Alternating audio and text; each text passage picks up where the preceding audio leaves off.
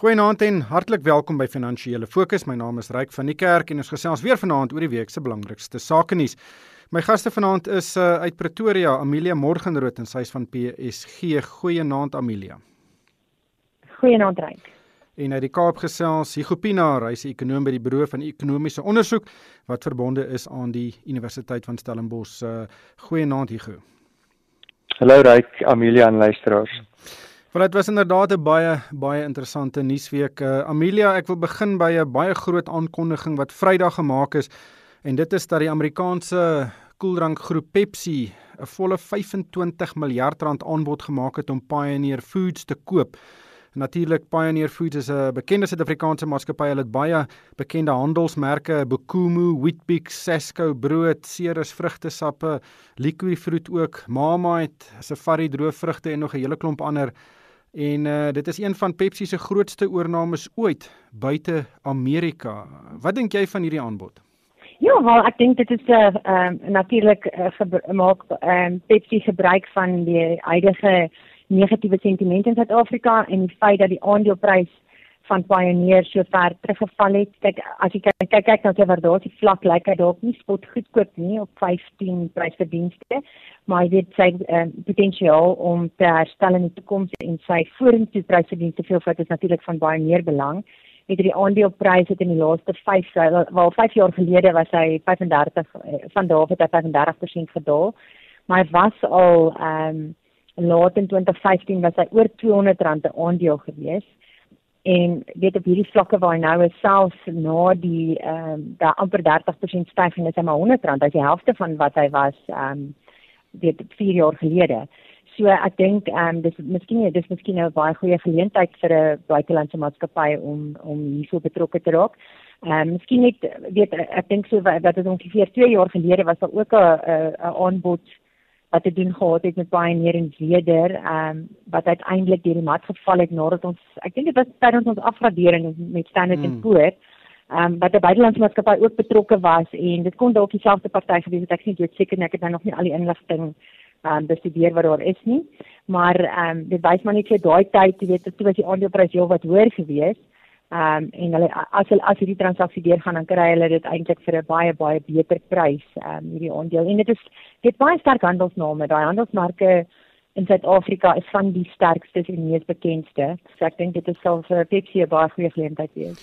Maar ek glo natuurlik is buitelandse belegging en eintlik binnelandse belegging in ons ekonomie een van die die die dinge wat ons die dringendste nodig het om ekonomiese groei te laat versnel. Uh, maar hier staan so 'n groot negatiewe uh persepsies oor Suid-Afrika binne Suid-Afrika dat baie mense eintlik verbaas was oor hierdie groot belegging. Natuurlik het ons baie meer as dit nodig, maar dit beteken nie dat daar baie maatskappye daar buite is wat nie so negatief is oor Suid-Afrika nie. Ja, en en, maar ek dink Amelia som dit mooi op. Ek, ek dink dit is, jy weet daar's daar's nog steeds ondanks al ons probleme is daar nog steeds goeie maatskappye met wat wat goed bestuur word en wat nou as jy nou 'n buitelander is en jy en jy kyk hierna dan dan kan jy nou een of twee winskoopies ehm um, dalk kry. En natuurlik die die ouens vat 'n langtermyn siening so weer eens 'n maatskappy wat goed bestuur word, ehm um, hulle verdienste mag dalk nou bietjie onder druk wees gegee vir die stand van die ekonomie.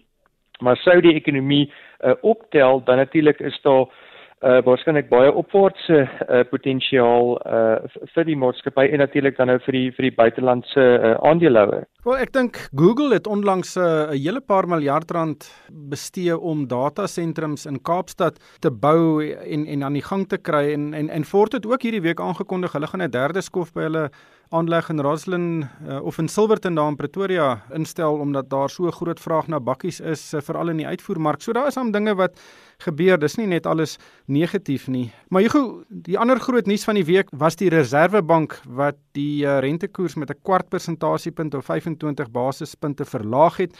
Nou dit was nie 'n groot verrassing nie. Meeste ekonome het dit verwag, maar ongelukkig is dit nou nie 'n wesenlike aanpassing in die in die rentekoers nie. Um, maar dit dui op 'n verandering in die traject van die rentekoers siklus na 'n afwaartse fase. Hoe, hoe sien jy dit?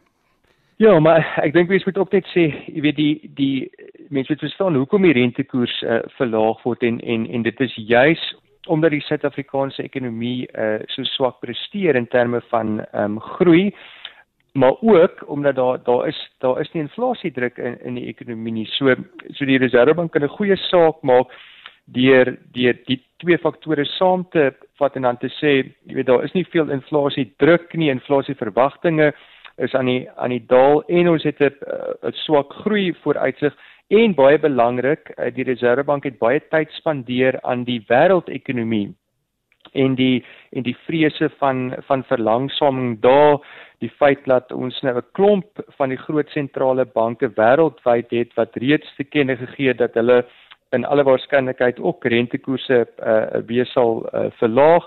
So daai hele prentjie uh, verskaf dan nou die ruimte vir die Reserwebank om um, om koerse matig uh, te verlaag. Wat beteken matig? Wel, 'n 25 basispunt is nie is nou nie 'n wesenlike daling nie. Ek dink nie ehm um, dit gaan veel help om die ekonomie opstoot te gee. Ek meen elke bietjie help natuurlik, maar dit dit gaan op die op die mark gewees, so dit mag dalk so bietjie uh vir verbruikers vertroue uh stoot gee.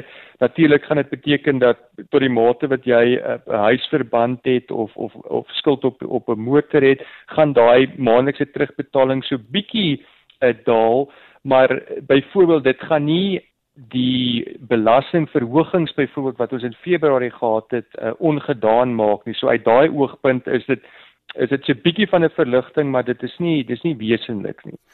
Amelia? Ja, wel die president van die Reservebank het gesê dat hulle hulle het glad nie eers 'n verlaging van 'n half persent oorweeg nie. Ehm um, hulle ook nie enige verdere rentekoersverlagings voorspel nie. En soos jy goed sê, daai kwart persent wat ons nou verligting gekry het, gaan nou nie te veel in jou beursie um, van hulp wees nie. En ek dink ons ons het 'n netelige situasie want ehm um, hoewel ons ekonomie baie swak is, geen ekonomiese groei nie en jy eintlik monetêre beleid behoort kan gebruik om die ekonomie te stimuleer, het ons strukturele probleme en ehm um, die die president het weer daarna verwys dat dit ingryping van regeringskante gaan kom om beleid te verander. Maar ek dink daar's 'n kapasiteitsprobleem in terme van ons produktiwiteit en ek dink die die Reservebank is bekommerd dat as hulle rentekoerse te veel verlaag, dan kan dit die bietjie vraag wat daar gaan kan ontstaan, kan inflasie aanjaag omdat ons nie meer daai kapasiteit vir produktiwiteit in Suid-Afrika het nie. Ons het 'n te lang periode al gehad van baie swak ekonomiese groei. Dit is oor dekade lank al. So dit beïnvloed dit dit verander struktureel aan jou ekonomie wat dan veroorsaak dat jy kan nie eintlik rentekoerse te veel verlaag nie want dan gaan dit onmiddellik inflasionêre druk veroorsaak. Ego natuurlik is uh, is die tendens baie belangrik. Uh, die en en ons sien dit ook in Amerika waar daar 'n hele reeks verlagings in die in die vooruitsig is. Uh, hoe, hoe voorsien jy gaan die Reserwebank in die toekoms rentekoerse benader? Verwag jy uh, 25 basispunt verlagings uh, gereeld in die in die nabye toekoms? Nie noodwendig nie, Ryk. Ek ek dink Amelia maak baie goeie punte. Jy weet die Reservebank het al by vele geleenthede gesê en dit is so dat 'n rentekoers 'n verlaging kan oor die kort termyn of kom ons sê jou jou sogenaamde sikliese groei kan dit 'n hupstoot gee, maar dit doen niks aan jou aan jou potensiale groei. Met ander woorde jou jou groei oor oor oor die langer termyn en daar sit ander uh faktore meer aan die mikrobeleid uh wat wat aandag uh, moet kry. Maar om jou vraag te beantwoord, ek dink daar is 'n paar risiko's um plaaslik wat ek ek dink dit vir die Reservebank moeilik gaan maak om om veel verder te gaan met rentekoers vir verlagings en die een belangrike een is is die fiskale uh, posisie. So daar is nou gister weer daarop um uh gesin speel dat tot die mate wat ons fiskale tekorte veel swakker gaan wees as wat in Februarie gedink is en dit dit gaan waarskynlik so wees. Ehm um, kan dit druk op die rand sit en dan oor tyd het dit dan nou inflasionêre uh, impakte. So die ek dink ons gaan moet sien hoe hoe hierdie goed uitspeel. Ehm um, sit die finansiële markte meer klem op wat in die res van die wêreld gebeur, die lae rentekoerse daar wat natuurlik beleggings in Suid-Afrika aantreklik maak uit 'n rentekoers diferensiaal oogpunt of fokus die markte meer op Suid-Afrika se se fiskale probleme. So ek dink jy weet dit is bietjie vinnig om te sê, maar ek op hierdie stadium dink ons daar kan dalk nog 'n 25 basispunt verlaging in September wees, maar ek op hierdie stadium dink ek nie mense moet veel verder as dit dink um, en en en en veel meer uh, verwag nie. Amelia, nog 'n groot storie van die week was uh, die tegnologiegroep EOH wat bekend gemaak het dat die forensiese ondersoek uh, wat Steven van Coller die uitvoerende hoof gelas het na beweerde korrupsie uh toe korrupsie gekry het. Uh 1,2 miljard rand se uh, verdagte transaksies wat omkoopgeld insluit. Ag werknemers is skynbaar betrokke hiermee en en dit volg natuurlik nadat Microsoft vroeër 'n uh, ooreenkoms met EOH beëindig het weens hierdie beweringe van korrupsie en en die feit dat hulle mense omgekoop het om 'n staatstender te kry. Nou in 'n era waar daar hmm. groot vraagtekens is oor koöperatiewe bestuur in Suid-Afrika, veral in die privaat sektor, dink ek uh, Steven van Coller het hierdie regtig goed hanteer en die proses so deursigtig as moontlik gemaak en soveel mm. inligting as moontlik op die tafel gesit.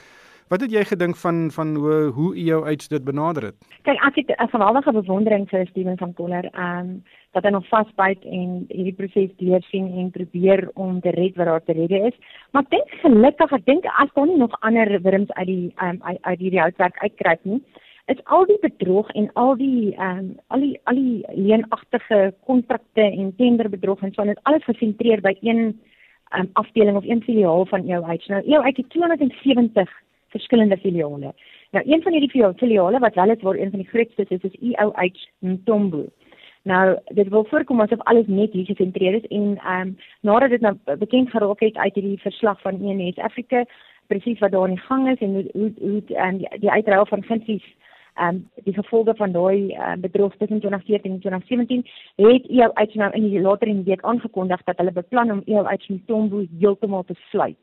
Oor 'n periode die volgende 2 jaar gaan hulle alles daar so ehm um, uitsorteer en alles afhandel en dan gaan hulle daai hele afdeling sluit. So ek dink die maatskappy het 'n het 'n kans vir oorlewing omdat hulle so ingrypend opgetree het omdat hulle ou van buite af gekry het om um, om alles te kom uitsorteer en dat daar openlikheid was want ek dink op hierdie stadium kan mense Steven van Koller sê dat uh, baie geluk dat hy die hele tyd die mark ingelig gehou het en elke keer as daar nuwe nuus was of iets wat uitgekom het, het hy vir die mark daarvan um, gesê en ek dink dit is hulle redding.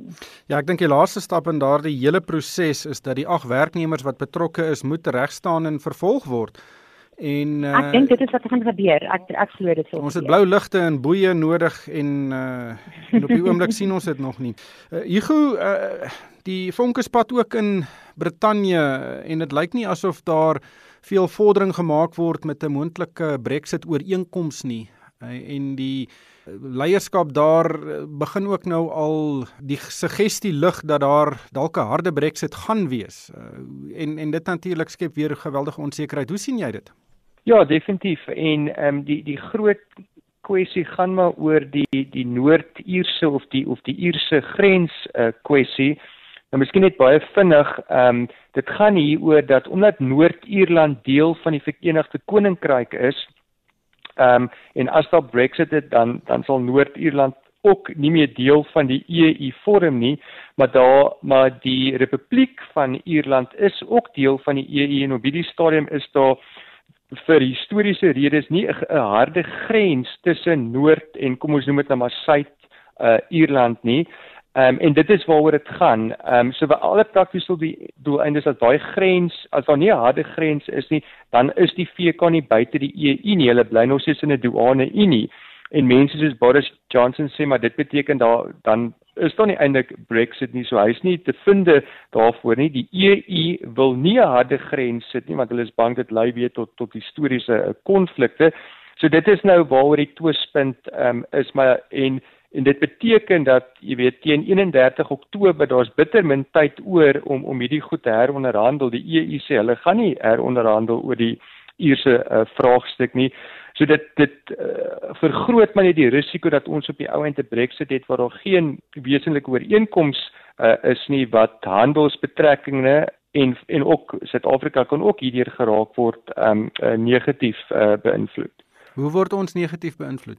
Wel op hierdie stadium um omdat die um uh, die VK deel van die Europese Unie is, ons het 'n vryhandelsooreenkoms by die Europese Unie en dit beteken ons handel met die VK word ook daardeur um, ingesluit. As hulle dan nou nie meer deel van die Europese Unie is, sal dit beteken dat ons ons handelsooreenkomste tariewe ensovoorts met die um, Verenigde Koninkryk moet um, her uh, onderhandel en dit mag beteken dat tariewe byvoorbeeld so bietjie um, hoër is. Nou die minister van handel en nywerheid het reeds gesê dat dat hulle is um, in gesprekke met uh die VK om om so iets te verhoed, maar die punt is ehm um, dit mag wees dat ons handelsbetrekkinge met die VK nie op dieselfde ehm um, beginsel is wat dit op hierdie stadium is, sodat dit nie so voordelig uh vir ons is as as wat dit op hierdie stadium is nie.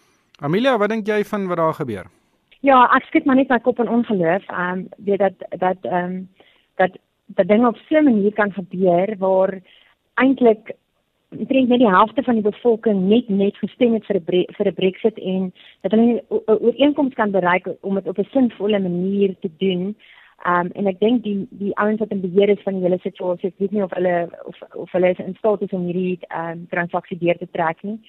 Dit is ek vroeër in die week gesê het ons gepraat het weet dit is wat hulle nou mee besig is is soos om by 'n deur uit te loop sonder om die deur oop te maak en ek kan nie dink dat dit enigiets goeds gaan bring nie en jy kan dit sien ook in die in die wissel in wisselkoerse die pond bly aan hou aan om steeds laer te gaan. Um, hy's op 'n byna 3 jaar laagtepunt um, teenoor die meeste ander geldeenhede en ek dink dit gaan 'n wesenlike effek hê op um, op Engeland. Ja, dit is uh, eintlik 'n baie interessante gevalle studie en dit het alles begin met 'n referendum wat nooit geroep moes gewees het nie, maar nou ja, hulle moet maar hulle eie probleme uitsorteer en en ten minste kan ons nou 'n bietjie goedkoper gaan vakansie hou in in Brittanje met die swakker pond. Maar ongelukkig het die tyd ons ingehaal. Baie dankie aan Amelie Morgenrood. Sy is van PSG in Pretoria en ook Hugo Pinaar. Hy's 'n ekonom met die Buro van Ekonomiese Onderzoek wat verbonde is aan die Universiteit van Stellenbosch. En vir myself, Ryk van die Kerk, dankie vir die saamluister en ek hoop almal 'n winsgewende week.